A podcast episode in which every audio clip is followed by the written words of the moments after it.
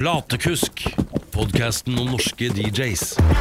Hei og velkommen skal du være til en helt ny episode av eh, Platekusk, episode nummer to.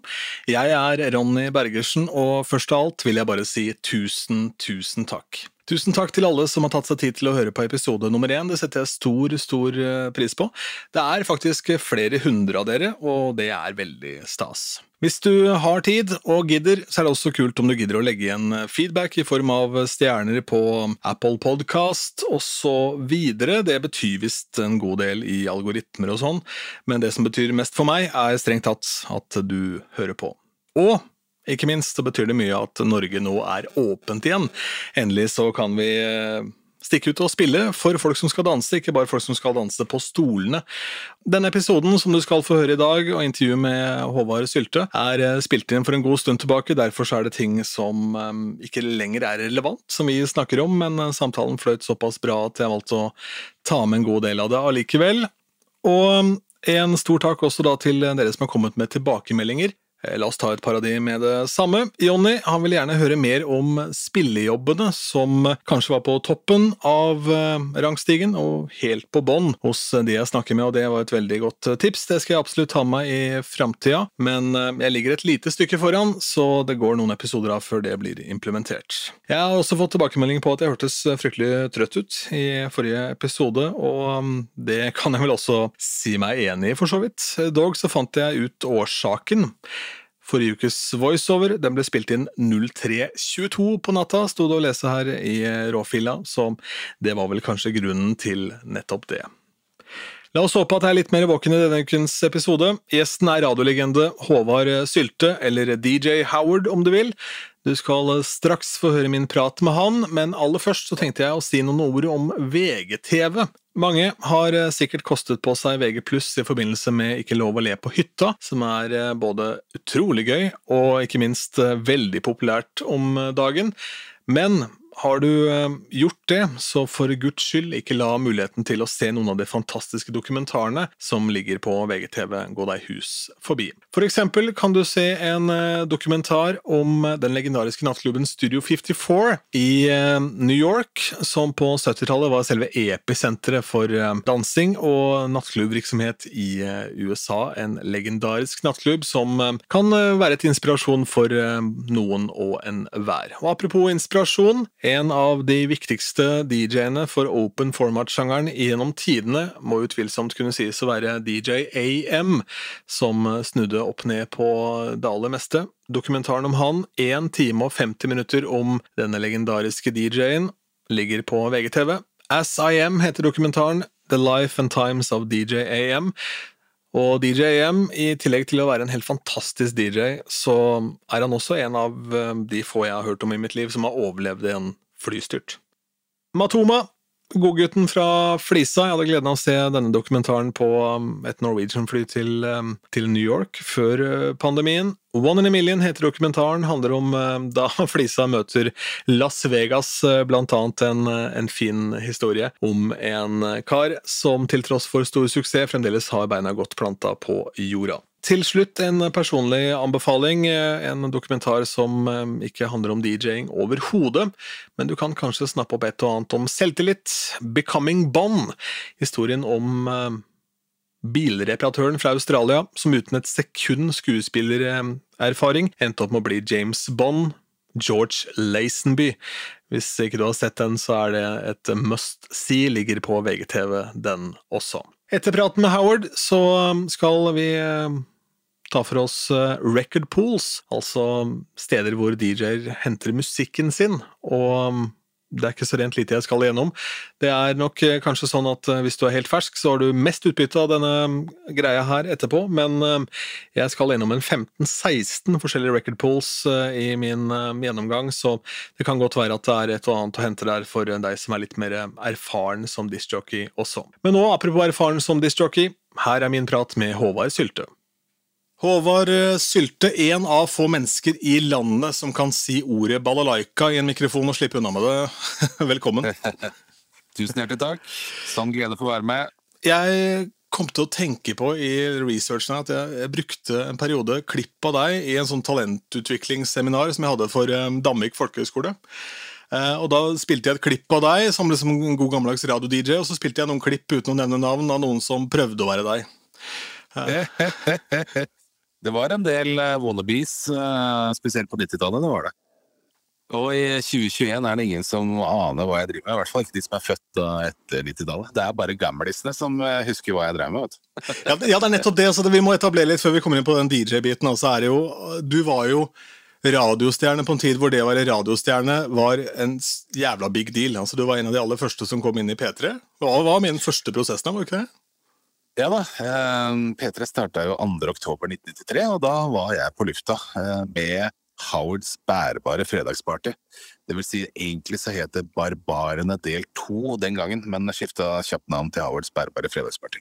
Barbarene del to? Altså, hvor, hvor i alle dager kom det fra? Eh, Det var et show med Steinar Fjell og Nils Heldal som het Barbarene, som var sånn fredagsforspill. fredagsvorspill. Eh, og så tenkte vi nei, vi må bare fortsette festen utover, så da lager vi Barbarene del to. Mm. Eh, så, det var historien rundt det. Eh, men eh, etter hvert så ja, lagde jeg min egen eh, profil på dette, og, og eh, ja, lagde det til mitt eget program, og da burde vi kalle det noe annet også. Ja, ikke sant? Og bærbart fredagsparty, det var perfekt. Folk kunne ta med seg radioen sin overalt og bli med på festen. Ja, for Tidlig på 90-tallet så var det ofte det man gjorde. da, Hvis man var på la oss si, en skatepark, eller et eller annet, så hadde du gjerne med en boombox. da. Eh, og Da kunne du høre på radio hvor som helst, og så gikk den på batteri, og så var det liksom fullt trøkk og punch. Da da, klart, da var det jo vorspiel-radio, da. Det var jo eh, på en måte den andre gullalderen til radioen, eh, når P3 og P4 kom på starten av 90-tallet. Eh, radiointeressen var enorm. Mange, mange, mange hørte på radio. Eh, og sånn sett så er det jo litt trist å oppleve det som skjer nå, med at uh, ja, de fleste sitter og har favorittspillelista si på Spotify, og radioen står på sånn, ja, kanskje i bilen, hører den innimellom på, på bussen, men eh, jeg har, jeg har veldig stort inntrykk av at dagens oppvokste generasjon, de er ikke så interessert i radio som folk var den gangen. Nei, I så fall så går det da på typ, eh, ja, litt det samme som vi holder på med her. da. Altså Det er prateshow som da eventuelt vinner. da. Eh, og da må du ha en såpass sterk personlighet til å være en så stor profil, typisk Radioresepsjon eller her, da, som, som klarer å få en eh, unik fanskare. da. Stemmer det? Men skal vi se, da er vi P3 der, og så etter hvert eh, hoppe litt kjapt framover her, for vi kan snakke om hva du har gjort på radio til vi blir grønne i trynet. Men eh, MP3 er spennende, for der kunne man høre deg 24 timer i døgnet, mener jeg husker. Én mann, én kanal. NRK MP3. I starten så, så var det bare jeg som var på, på radiokanalen. Eh, Så det, det var jo interessant. Eh, Lenge leve moderne teknologi den gangen som, som gjorde at jeg kunne preppe stikk på forhånd. Men, eh, men ja, jeg, jeg var på 24 timer i døgnet helt til NRK fant noen penger i potten og fikk hyra noen flere DJ-er. For da var eh, MP3 basically en dance-kanal. Ja. Eh, på slutten av 90-tallet så var jo dance ekstremt stort. Eh, vi hadde jo en sånn trans-bølge i overgangen fra 90 til 2000. Eh, og den musikken traff ekstremt godt, sånn at vi fikk kjapt veldig mange lyttere. Eh, og vi plugga den ene dance-hiten etter den andre da på MP3 de første årene. Og så er det noe av det mest imponerende jeg har sett sånn teknisk sett, eh, var MP3 TV. For da gjorde du både radioavvikling, men også kameraer. Ja, det var morsomt. Da, da var det jo en helt vanlig radiosending, men i tillegg så hadde jeg da et bildemikser og en fire kameraer i studio. Eh, så var det da meg og en, en sidekick som, eh, som hadde da showet hver type fredag kveld. Så det gikk jo da både på NRK MP3 og også på NRK2. Så la man da på en sånn chat da, som var veldig populært eh, den gangen, eh, hvor folk kunne sende inn meldinger, eh, og man kunne sende MMS-bilder inn til studio som vi viste på skjermen. og ja, det, var, det var veldig morsomt. Det er faktisk en av de kuleste sendingene jeg har hatt, sånn sett i ettertid. Det var, det var teknisk utfordrende å, styre alle kameraene og lyden og alt som skjedde i studio, men ja, det var en morsom utfordring. Jeg må tro at noen i NRK etter hvert var litt sånn forbanna på deg, fordi eh, der var man jo kanskje vant til å ha tekniker eh, som hjalp de med alt sammen, og så kommer det da en fyr inn og ikke bare kjører han lyd alene, men han kjører også, også kamera. Ja, jeg skulle jo tro at mange tok hintet og skjønte at de kunne lage selvkjørs-TV fremover, men eh, jeg syns det har gått tregt, altså. Det er ikke mange som sitter og styrer lyd og lys og kameraer på, på NRK om dagen, så ja. Det er, eh, det er potensialet for å få noe mer eh, ut av ting der, altså. Det var jo en del av det på den tida, med Mest TV og Sonen og alt dette opplegget her. og Det var jo, det var jo noe folk eh, så på, men det har jo dødd ut, det også med da, at sosiale medier har tatt over helt. da. Ja, den gangen så, så satt jo folk da og stemte på diverse avstemninger og sendte inn bilder og betalte penger for å, for å eh, få med ting på, på denne chatten. Ja, Det var helt jævlig noen av de der på Sonen sånn, hvor de skulle ha mest mulig penger inn. så var det sånn, Ja, det er forskjellen på, eh, forskjellen på allmennkringkaster og kommersielle, det er jo det at man Vi gadd jo ikke å pushe så mye på det. Det var samme for oss som mye kroner disse tekstmeldingene kom inn. Mens eh, de, de kommersielle de var jo bare interessert i å få flest mulig til å betale fem eller ti kroner for å få meldinga på, på lufta.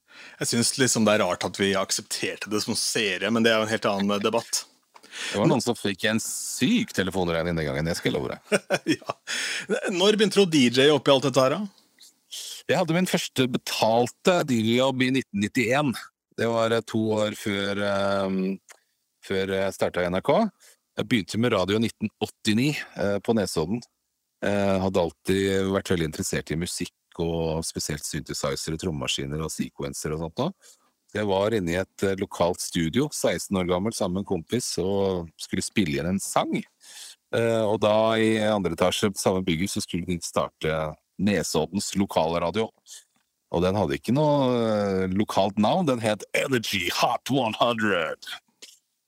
Som senere skiftet navn til Radio Oslofjord, og ble en veldig stor nærradio da, i Oslo-området. Ja, altså, Da begynte du og DJ parallelt med å jobbe der, men hvordan passa det inn i P3-miksen? Så var det mulig å kombinere på den tida?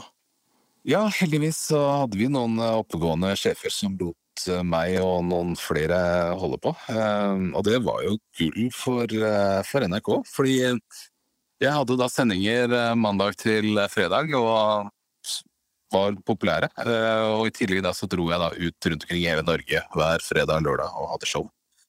Eh, Så det var jo eh, Det var kult, det, altså. Det var store show. Vi var veldig populære på radioen. Jeg var jo mye ute sammen med Åse Andersen, så vi, vi hadde show ja, i absolutt hele Norge. Hvis du syns eh, du ser Staysman på en scene mye om dagen eh, i sosiale medier og i aviser og sånn, så har vi kjørt opp den samme løypa da, bare 20 år tidligere. Ja. det må jo være på en måte én stor fordel, og også en slags hemsko for deg å ha den legendestatusen du har, da. Med tanke på at de folka som ringer deg, ringer vel og ber om en spesifikk type party. Det skal jo gjerne være noe Dr. Alban og noe Hathaway involvert eh, når du dukker opp. Det er jo mest 90s. Altså De som er eh, voksne mennesker nå, de husker meg fra radioen. De unge husker jo ingenting, så de vet ikke hvem jeg er. så, eh, så det er jo da mye 90s-show som, eh, som jeg har.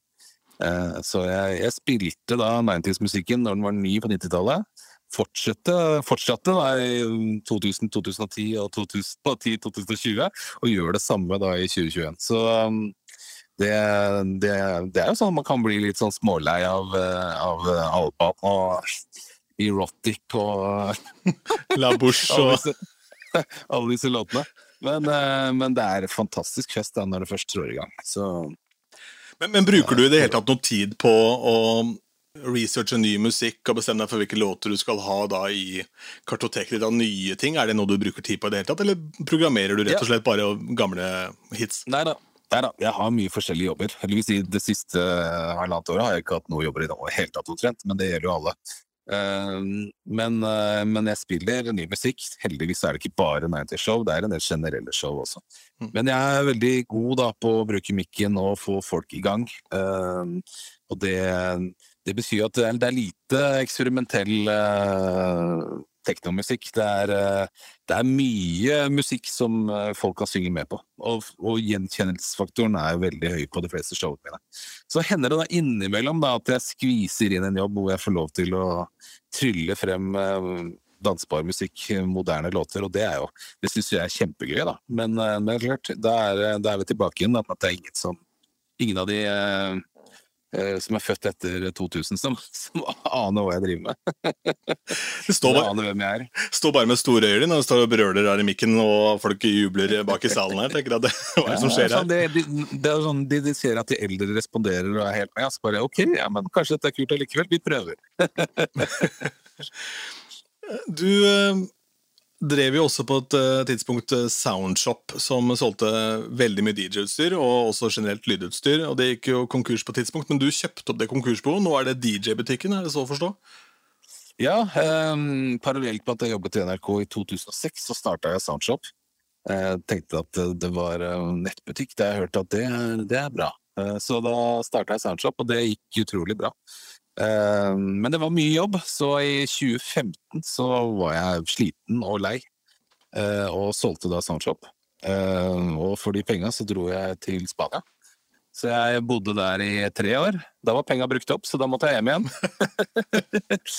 Men i mellomtiden så var da dessverre Soundshop gått konk. Det var kjipt. Og det syns jeg var så kjipt at jeg, at jeg kjøpte hele konkursboet. Um, og da um, Etter hvert, da, ikke i første Altså ikke, med en gang, men etter hvert så starta jeg opp Soundshop på nytt. Um, men hovedfokuset mitt nå om dagen ligger hos DJ-butikken, som var et domene som også Soundshop eide. Og det, det er da mer spissa mot DJ, det ligger vel i navnet. Uh, og det er det jeg syns er mest gøy òg, så da, da prioriterer jeg å jobbe med DJ-butikken. Ja, altså Hvis man skal begynne å spille i dag, da, altså, hva, hva er det man må ha, hva er det man må gå for? Altså, Er det noen generelle tips? Ja, i gamle dager så var det sånn at du måtte jo ha platespiller og mikser, og så gikk det over til da CD-spiller og mikser. Og så eh, for eh, 15 år siden så var det da kontrolleren som begynte å rulle inn. Eh, Da har man en, DJ-kontroller som man kobler opp mot en eh, PC eller Mac. Eh, og disse kontrollerne har blitt bedre og bedre. I starten var det ikke spesielt bra, men nå, nå er det knallbra. Og de beste kontrollerne, sånn som jeg ser det nå, er de som du eh, har musikken på minnepinner, og, og slipper eh, laptopen foran deg. da. De, de liker jeg aller best. Så jeg spiller på en uh, Pioner DJ uh, XDJ RX2. Det er en uh, tokanals uh, DJ-kontroller med en skjerm i midten. Og før jeg har dratt på spillejobb, så legger jeg bare all musikken min inn på en minnepinne. Setter minnepinnen da i kontrolleren, og så får jeg da på skjermen hele arkivet, og kan mikse da mellom de forskjellige låtene. Og så er den den RX2-en er, eh, den er ikke så innmari svær heller, så den er lett å ta med seg. Det er, det er ikke sånn at man driver og drasser rundt på 40 kilo med flightcase. Du, er liksom, du har 8 kilo i en softbag istedenfor, og det er veldig, veldig behagelig. Husker jeg var, eh, var vel 12-13-14 år da jeg liksom begynte å spille fast ute. Eh, kan, kanskje fylt 15 akkurat, men hadde jo ikke lappen, og så var man ferdig på spillejobb, og så hadde man CD-kofferten sin da, som veide 250 kilo eller noe sånt. Eh, så var noen, var noen lange armer der altså, på søndagen når jeg våkna opp i, i senga etter å ha gått opp Henstad allé i Askim fra diskoteket hvor jeg spilte der. Det var en tøff og eh, muskelkrevende jobb å være DJ i gamle dager. Da var det sånn ok, vi har sju-åtte kasser, sånne bruskasser med LP-plater. Og så er det da platespilleren som veier 17 kilo stykket, bla, bla, bla. Så, så det var en eh, syk eh, riggejobb for å spille i gamle dager. Men det bringer oss over på at i gamle dager så hvis du går tilbake til vinyltida, så hadde du ja, hvis du hadde med syv-åtte bruskasser, så er jo det én ting, men veldig mange tok jo med seg fire. ikke sant? Og da hadde du fire kasser med plater, er det du hadde. Og da måtte du jo tenke programmering på forhånd på en helt annen måte enn hva man kan i dag. For i dag så har man jo hele platearkivet sitt, men det er jo også noe som selvfølgelig da gjør deg litt latere, vil jeg tro. da, For du trengte ikke å være så liksom, kjapp i huet før jobben. Eh, Du, trenger treng, ikke det nå kontra hva det måtte være da. Og dagens DJ de klager jo veldig lett, da. Det som også er en veldig stor forskjell på å være DJ for eh, 20 eller 30 år siden og nå, er jo at den gangen så måtte vi fysisk gå ut i platebutikkene, kjøpe platene eh, og høre nøye gjennom platene for å finne rett punkt hvor du skulle gjøre miksen etc. etc. Så det å være DJ var jo en heltidsjobb, egentlig. Altså, det var, var ikke så mange som var det, men, men du måtte jo sitte hele uka og, og kjøpe platene og, og finne miksepunktene eh, før da giggen på fredag eller lørdag. sånn at eh, kostnadene var jo helt syke, i tillegg til at eh, det var mye jobb. Og så måtte du telle du måtte telle da, for å finne BPM-en på dem, og så skrev du gjerne på en gul lapp og satt på Yes. skiva. Ja. Det er helt korrekt. Men, eh, men ja, det, er, eh, det, er, det, var, det var mye tøffere å forberede seg eh, i- tidligere. Det er, det er mye enklere nå. Så, um, så det um, du, hvis, Alle gode DJ-er de setter seg inn i låtene, eh, sånn at de fleste gjør jo det. Ikke alle, men de fleste som er gode, de, de gjør det. Eh, og det å, å lese publikum er vel en av de viktigste jobbene til en DJ. Det er veldig mange som nedprioriterer det, men de finner fort ut at det Altså, du har ikke noe fremtid i bransjen hvis du ikke leser publikum. Det er veldig, veldig få personer som kan gå på en spillejobb og, og liksom sette standarden, altså lære publikum hva som er bra musikk. Det er, det er stort sett ikke sånn det funker. Altså, du må lese publikummet. Er det lite folk på dansegulvet, så må du tenke hva er det som skal til for å fylle dette dansegulvet. De settene du gjør, da, er det, altså går du på å gjøre en rein partypakke, eller gjør du sånne firetimers og femtimers eh, gigger? Stort sett så har jeg vært kjempeheldig opp igjennom og, og har hatt eh, forholdsvis godt betalte jobber, og, og at jeg styrer da eh, settet mitt selv. Så jeg har i kontrakten da, ok, DJ Howard kommer 120 minutter. Mm. Og det betyr jo da at DJ, altså utestedet må ha en DJ som spiller uh, før og kanskje etter. Ja, ikke sant? Uh, ja. så, så det har jo vært veldig luksus. Men, uh, men det er klart, jeg har gjort masse andre gigger også, hvor, hvor du fyller hele kvelden. Ok, da vi åpner klokka 22 og stenger klokka 3. Så da liksom skal man fylle da hele kvelden. Og det, det blir en helt annen måte å bygge opp kvelden for, på, fordi altså, du starter jo ikke hardt og, og bare kjører på hardere. Sender alle rett hjem? må jo starte med musikk som får folk i, eh, klare for det som skjer senere. Jeg, eh, da jeg DJ-er bryllup, så håper jeg litt på at det er en sånn mingletime, eh, hvor eh, brudeparet tar noen bilder, for da kan jeg prøve meg litt fram. Eh, Og så kan jeg være litt på fisketur den timen, da, og så er jeg plutselig innom noe hvor jeg ser at noen smiler litt, og så får jeg noe toe-tapping og sånn. Eh, Og da veit man på en måte hvil- hvilket spor folk er i allerede. Kan teste litt eh, sånn. For veldig ofte så er det du får en liste fra brudeparet og hva de liker, og så er det ikke nødvendigvis sånn at det stemmer overens med hva resten av vennegjengen liker. Det er ikke alltid de er helt i synk her. Eh, og, Bryllupsjobber er jo ganske grusomme, for der har du bestemor på 80 samt uh, kidsa på 10. Så, og det går aldri an på bryllupsjobber å få absolutt alle med deg. Eh, Det, det er teknisk umulig, for du vil alltid ha en eller annen som ikke engang digger Dancing Queen med ABBA. Altså, du, du, du, du har noen som eh, alltid kommer på et bryllup og sier Du, nå er det Metallica fra den der Kill 'em All-plata. Du bare. Ja, jeg hadde, hadde, hadde en her fint å eh, spille den i bryllupet her. Jeg hadde en her som kom eh, da var jeg, Det var et brudepar da i tidlig 30-åra. Så da var jeg liksom inne i peak hour, så da kjører man den rett i barndommen til, til bruden. ikke sant? Og med liksom Barbie-girl og hele pakka der. Så kommer en kar og lurte på om jeg kunne spille noe fra soundtracket til Inception med Hans Zimmer. Ja, det er klart. Ja, Det passer jo inn her nå. det hadde jo røska opp danskegulvet ordentlig. Jeg tenker, de, tenker at den passer bra mellom, eh, mellom Spice Girls og, og Backstreet Boys der. Mm. Ja. Nei, det er dessverre sånn. Det, det, er, det er mange, mange, mange rare henvendelser som har kommet opp gjennom åra. Ja, og det er jo faktisk en kunst, det òg. Jeg må prate litt om meg. For de som eventuelt da ikke har begynt å, å gjøre jobber ute ennå, så er det jo et eller annet med det å vite hvilke jobber du takker ja og nei til, i hvert fall i starten av karrieren din. For eh, det kan være Ja, du kan sitte med dårlig samvittighet i eh, lang tid hvis du ender opp i et bryllup for eksempel, og ødelegger festen. Så det er en, det, Da bør du ha en viss pondus da, før du gjør typ sånne kjempemix-gigs med som du sier, bestemor og, og barn på Ja. åtte. Er du 19 år gammel og har hatt kontroller i sju måneder, så er ikke bryllup den første jobben du bør gjøre. Eh, Jeg, jeg eh, ser og har sett det ofte at du, skal ha litt pondus for å gjøre bryllupsjobber. Du skal ha stor erfaring med, med valg av musikk. Fordi bryllupsjobber er det vanskeligste. Ja, absolutt. Er, eh, der kan du møte på mye rart. ass. Eh, Og det har så mye å si hvordan dagen har vært før også. men Det er en helt egen podkast. Jeg skal prate med noen av de gutta som gjør flest av de jobbene i, i Norge. Eh, Når, du er jo også en av de som fremdeles har CD-samlinga di intakt. Du har nok slanka den ganske kraftig underveis, vil jeg tro. Men når gjorde du skiftet fra CD til digitalt da, med pinner? Eh, Det er ikke så fryktelig lenge siden. Ehm, jeg har jo hatt på rideren når jeg er ute og spiller at jeg skal ha CDJ 2000 og DRM 900 mikser fra Pioner på, på CD-en jeg spiller. Og, og den har jo CD-drev, sånn at uh, det er ikke så mange år siden at jeg helt slutta å ta med CD-er. Uh, jeg vil anslå at uh, ja, det skjedde vel sånn rundt for ti år siden, men, men jeg, for fem år siden så hadde jeg fortsatt med noen CD-er. Nå er det bare minnepinne som gjelder, så Men, men jeg, jeg, er jo en av de da som har tatt vare på hele CD-samlinga. Ja, jeg har slanka den. Eh, flere ganger opp gjennom 90-tallet og begynnelsen av 2000-tallet så var det sånn Gikk gjennom hele CD-samlingen. Kom jeg noen gang i hele verden til å høre på den her igjen? Og da var det sånn ja-nei-bunke. Eh, jeg er veldig glad i dancemusikk, sånn at jeg har tatt vare på alt som fins av uh, maxi-CD-singler fra 90-tallet. Og det er jeg veldig glad for, for det har de fleste pælma.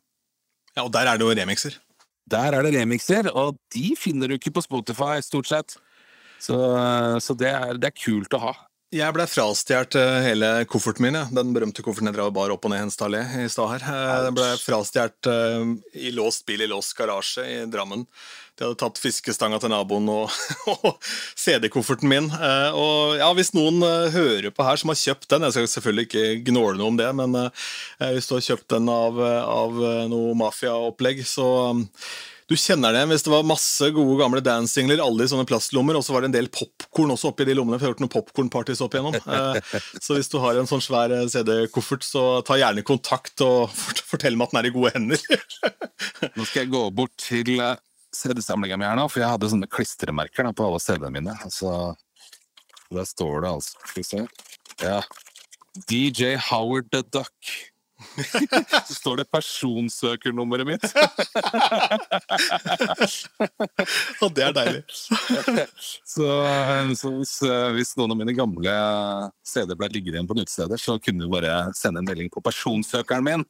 så visste du hva som var ståa, ja. Ikke sant? Hva var det første DJ-utstyret du spilte på? Hva er det du um, det var, det var platespillere, for det var jo da tilbake i 91. Sånn at ja, det var ikke så mange som hadde DJ-CD-spillere i 91. Nei, det var tolvtids, da, eller? Ja, det var det. Miksere, uh, husker du det?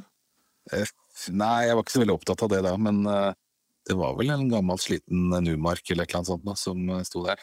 Mm, ja, ikke sant? og alltid, alltid problemer med rumling og feedback på, på stiften og sånt. Altså det, det var, ja, Nei, det var ikke så kul lyd, egentlig. Det var, det var mange av disse stedene som hadde platespillere hvor det ikke var nok dempa, og det, det låt uh, bæsj. Ja, og så var det jo stifter som aldri Det var ingen som brøy seg om det, sant? og bare lot det skule og gå. Så det er det som er problemet. Ja. Men uh, mange låter reiser du rundt med nå på stikken din? Eh, jeg har sikkert noen tusen, eh, men jeg lager jo da kategorier som, eh, som er mye lettere å lete i, da. Mm. Og, de, og, den som heter Party, den er jo mye brukt, da. ja, det vil jeg tro. og jeg har jo vært på en god del fester, da, sånn at jeg har veldig god kunnskap om hvilke partylåter som funker. Så det er veldig mange som booker meg inn til, til partybegivenheter. Jeg spiller på oktoberfester og på på festivaler som har en mer sånn partyprofil. Mm, ja, ja, absolutt. Altså det, og det er et stort marked, og det er ofte pengesterke folk òg som er, er, interessert i den pakka der, for de vil kjøpe noe de veit funker, da. Ja, sånn er det. Men eh, det bringer oss over på en fast spalte jeg har som jeg kaller for Hall of Fame. Jeg er da ute etter eh, to Jeg antar vi er enige med partylåter, men jeg er ute etter to liksom, eh, bankers låter som du nesten kan gå til hver eneste gang du spiller. ja. Eh, ja, det kommer litt an på, på giggen, da, men, eh, men eh, altså en, en, en, låt som utelukkende alltid fungerer, det er jo da Hermes Houseband med Country Roads. Jeg har aldri vært på en spillejobb og satt i gang den, og at folk ikke har sunget med. Nei, det er jo faktisk et godt poeng. Det er jo en vanvittig banger. Ja. Og det er sjelden at jeg gjør 90-tallsshow eh, uten å ha med Be, Be My Lover med La Bouche. Uh, personlig så er jeg vel ikke så glad i den lenger, men, men, uh, men små pikene, eller de som var små piker på 90-tallet, de er veldig glad når den kommer, altså.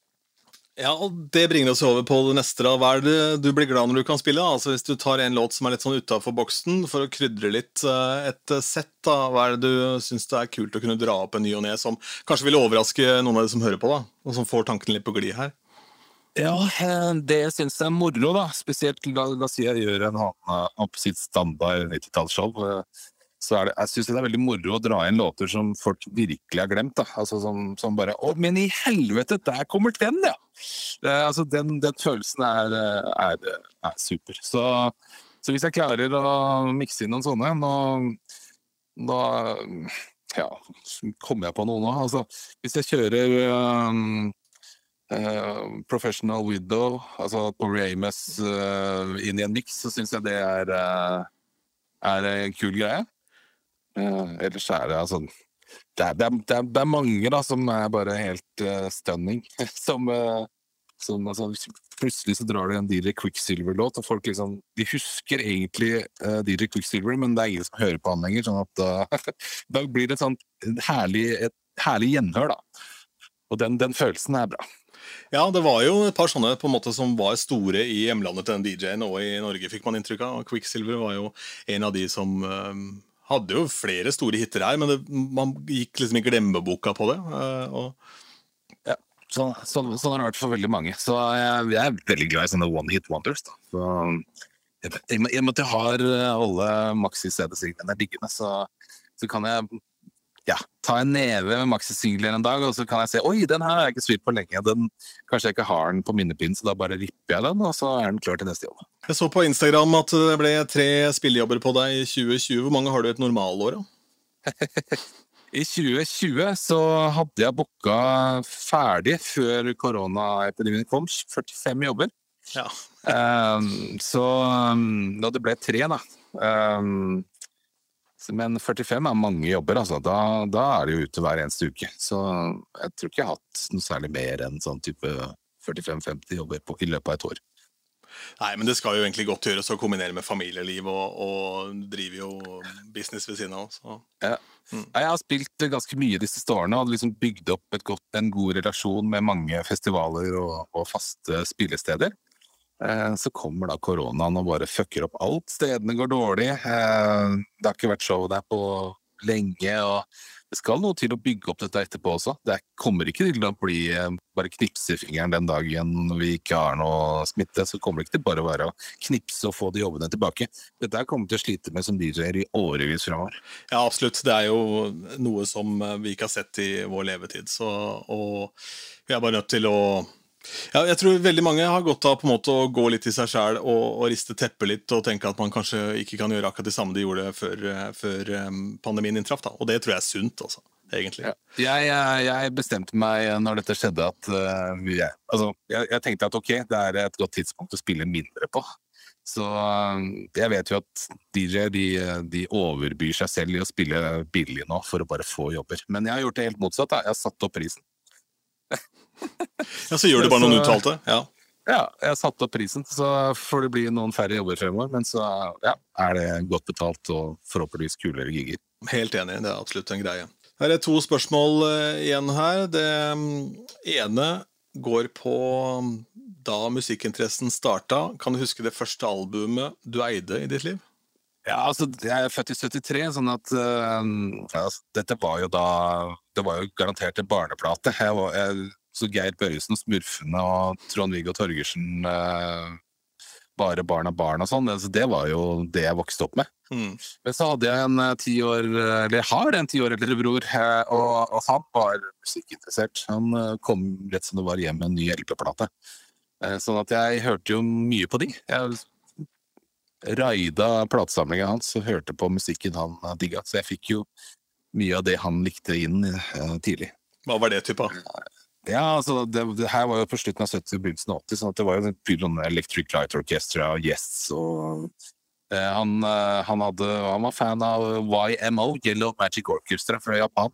Oi, eh, litt sånn der sær, eh, sær elektromusikk. Og Jean-Michel Jarre og, og, og, dette her tok jeg veldig over på meg. Da, så jeg har alltid likt elektronikamusikk og, og eh, ja, den type. Ja, kult. Så det hører jeg på fortsatt. Det bringer meg til siste spørsmål. Du er ferdig med gigen. Du har fått eh, 120 minutter pluss moms med party.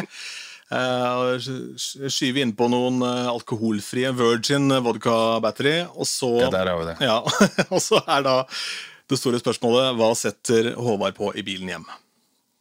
Oi, ja, da, da er det stille og rolig, altså.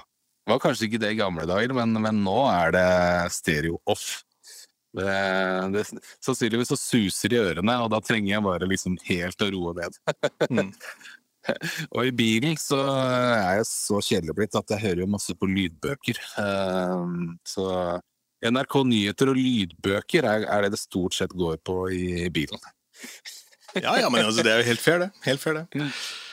Så får det, det bli partymusikk Jeg, jeg, har, jeg er jo så heldig da, sånn at jeg har eh, oppsi et, et, en egen miniklubb hjemme. Det er Stort, stort dansegulv og pioneroppsett og laser og røykemaskin og lys. Så jeg kan, kan liksom bare, når jeg føler for det, sette i gang med min egen lille gig. Lukke øya, bare kjøre party opp i huet, i hvert fall. Ja. Eh, Uten problem. Eh, Det skal også sies at du er jo en eh, aktiv remixer, så folk kan jo sjekke deg ut på, på Soundcloud og osv. DJ Howard heter du vel der? DJ Howard på SoundCloud, ja. jeg har lagd ganske mange remixer de siste årene. Så, en eller annen låt, eller låt som er remixa der, bør man eh, få med seg. Så jeg har, har en Dropbox-konto hvor det går an å få lasttallene ned også, hvis det er noe som er av mer interesse. Men jeg syns det er gøy da å sitte i studio og, og lage litt uh, mikser. Jeg lager dem, lager dem for meg selv, eh, sånn at jeg kan krydre settene mine med uh, mikser som ingen andre har. Eller når jeg hører en ny singel, altså bare nei, men i alle dager, den er jo fin, men den går jo altfor sakte. Så Ja. da bare booster jeg opp tempoet, ligger på noen, en hardere kick, og så litt mer bass, og så ja, nå, nå ble den riktig. Det var jo omtrent det som skjedde med, med Breamful of Asha når Norman Cook, eller Fapper Slim, da, om du vil, fikk den i fanget. Jeg tror ikke jeg har gjort så veldig mye mer med den låta enn å legge på en uh, hissigere beat og øke tempoet. Sånn er det. Så det funker jo, det. Ja, det funker som bare det. Du, Håvard, takk for praten. Det var veldig hyggelig. Og la oss håpe at det blir noen flere jobber enn tre i 2021. Ja, jeg har vel hatt eh, fem så langt, da, sånn at vi er allerede over 2020. Men, eh, men det har vært stille i sommer. altså. Utestedene de tør ikke å ta helt sjansen på å booke inn nå. Og, men nå kommer høsten, og da ser det litt bedre ut. Kanskje til og med We Love the 90s i eh, begynnelsen av november. Kanskje, kanskje, kanskje. Ja, Det er jo sånn back to back med 2000 nå, sånn superhelg. Så det er hvis man Ja. trenger en fest og verden er åpen igjen, så er det bare å øse på der, da.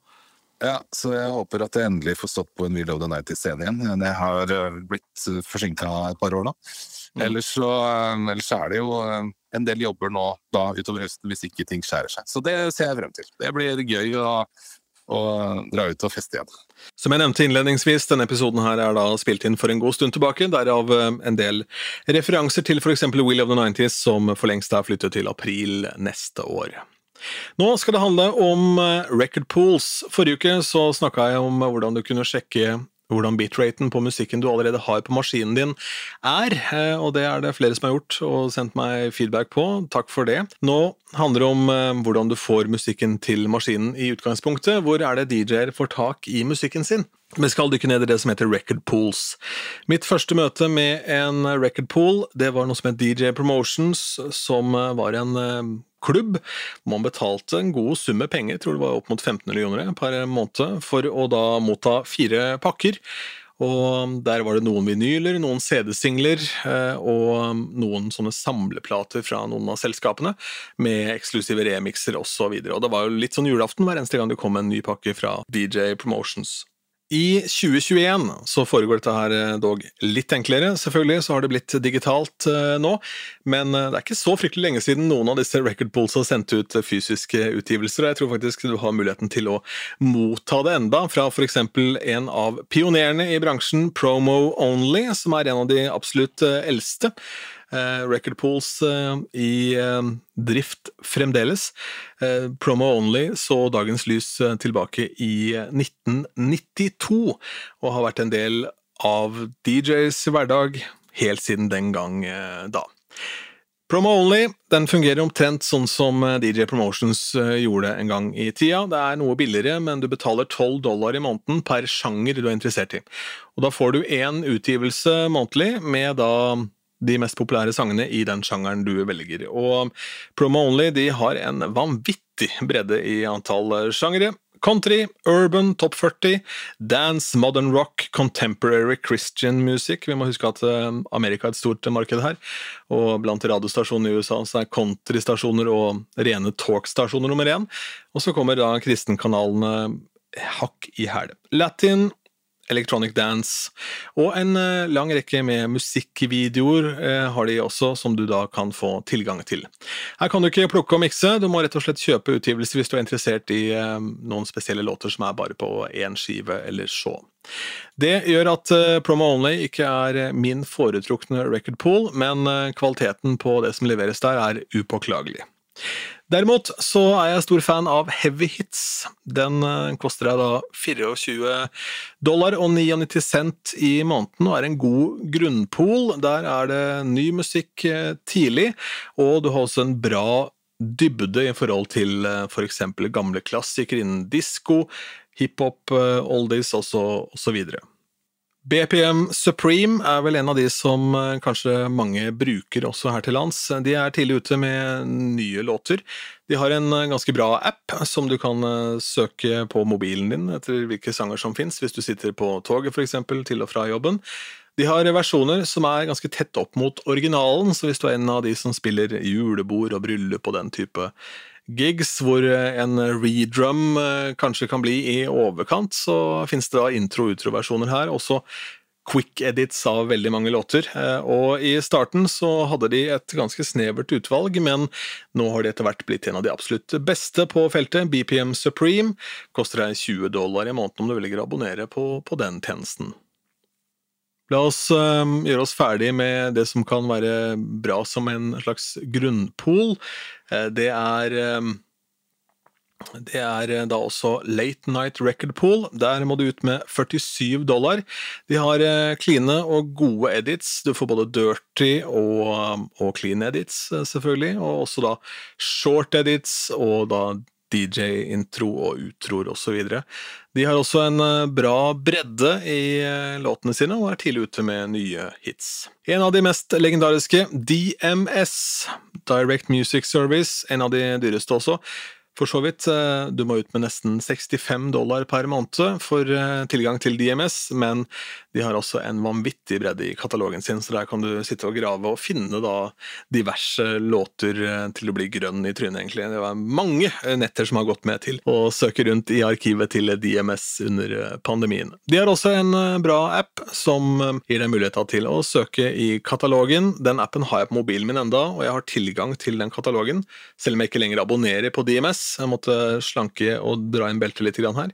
Eh, og det er nesten litt irriterende, for de har så utrolig mye fet musikk som ikke jeg har husket å laste ned underveis. Da har vi gått gjennom det som er av på en måte grunnpools, la oss si det sånn. Nå kan vi gå over til litt mer spesielle ting.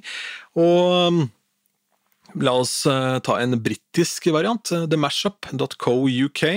Ikke la navnet skremme deg, det høres kanskje litt skummelt ut, uh, men det er ikke mashups primært de driver med. De har utrolig mange gode DJ-versjoner, men også veldig mye rare låter, selvfølgelig, og blends og mashups og forskjellige typer mikser. Men når alt kommer til alt, så er dette her en eh, veldig god pool som supplerer eh, de andre på en fin måte, i og med at veldig mange av de andre er basert i USA, og den her er basert i England, som da nettadressen tilsier.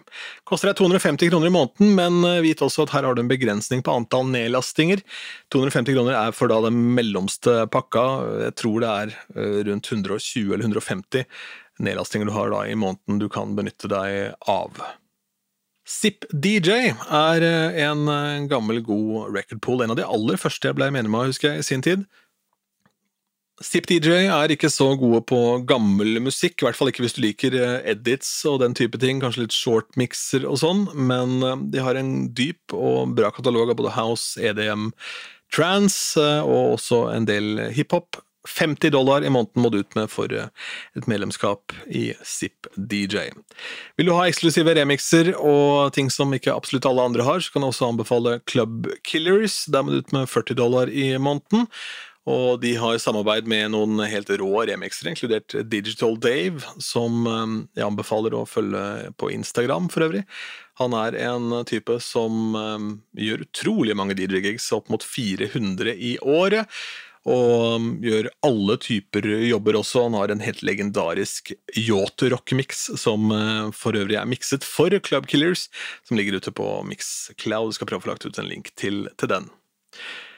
Club Killers altså har um, gode redrums, men det er mye remix-tungt her, og det ligger jo kanskje litt i navnet også. Apropos remix, en av de som uh, byr på mye av det du kanskje ikke finner andre steder. Det er Bar Bangers med, med. Dette er en record pool hvor det er mye gamle klassikere i ny innpakning. og ta en kikk på den. 35 dollar må du ut med i måneden. Det jeg har gjort her, er at jeg har da kjøpt et abonnement, og så har jeg surfa rundt, og så har jeg da valgt å si opp noen underveis som kanskje ikke passa helt for meg, og så er det noen som jeg har glemt å si opp, selvfølgelig. Så da har det kosta meg noen ekstra kroner, men eh, det har vært en ganske kul reise rundt til de forskjellige record poolsa for å bli kjent med, med de forskjellige. Barbangers, absolutt en, eh, en record pool jeg kan eh, anbefale. Der er det veldig mye kule edits og mye mye kule ting som ikke fins noe annet sted.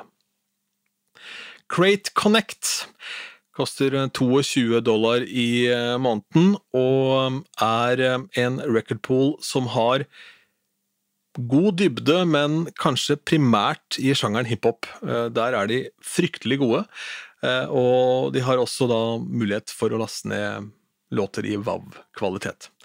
Jeg vet ikke om jeg likte helt interfacet til Crate Connect. Det er også et av de Eh, en av de record poolsa hvor du må putte sanger i en eh, platekasse, en crate, eh, for å så da laste ned craten etterpå. Det var litt tungt for unge Bergersen å, å lære etter hvert. Men jeg har brukt den som en, et bra supplement for å finne da en del hiphop-ting. Men det er ikke en record pool jeg har valgt å abonnere på over langen, da. Derimot så er jeg veldig fan av Crate Gang. 30 dollar i måneden koster det, og dette er en eh, bra supplementspool, la oss kalle det det. De også har en eh, god del eh, remixer og edits som ikke du finner noe særlig andre steder, så ta en kikk på den. Crate Gang. Det er også en ganske kul integrasjon med Crate Hackers, hvis du kjenner til de. Så da kan du laste ned Crates direkte ferdig rigga for Crate Hackers-appen. Digital DJ Pool. Det er en av de billigste på markedet. 20 dollar må du ut med for eh, en måneds abonnement. Eh, dog så var ikke dette noe for meg, eh, ikke kommersiell nok for meg. Jeg er jo da en fyr som spiller veldig open format, veldig stor sjangerbredde, men her var det litt for lite dybde for min del. Men det kan hende dette her er record poolen for deg. Digital DJ Pool, sjekk den ut. 20 dollar altså, og nye låter hele tiden, men dessverre ikke helt innafor der hvor jeg var interessert i å, å søke, da. Derimot så likte jeg Digital Music Pool, men etter noen måneder så kommer du da etter hvert til bunns i det de har på lager. De oppdaterer med nye låter, men de er kanskje ikke så gode på å oppdatere med nye edits av gamle ting, som for eksempel av BPM Supreme, som er veldig god på det, sammen med DMS og et par andre. Så der må du ut med 20 dollar per måned, eller 55 dollar for eh, tre måneder. Og vit også at der må du rate sangene før du laster inn, så det kan være litt irriterende, men uansett, det er bare en vanesak. En av de foreløpig siste record pools jeg har eh, signet opp på, det er DJ City.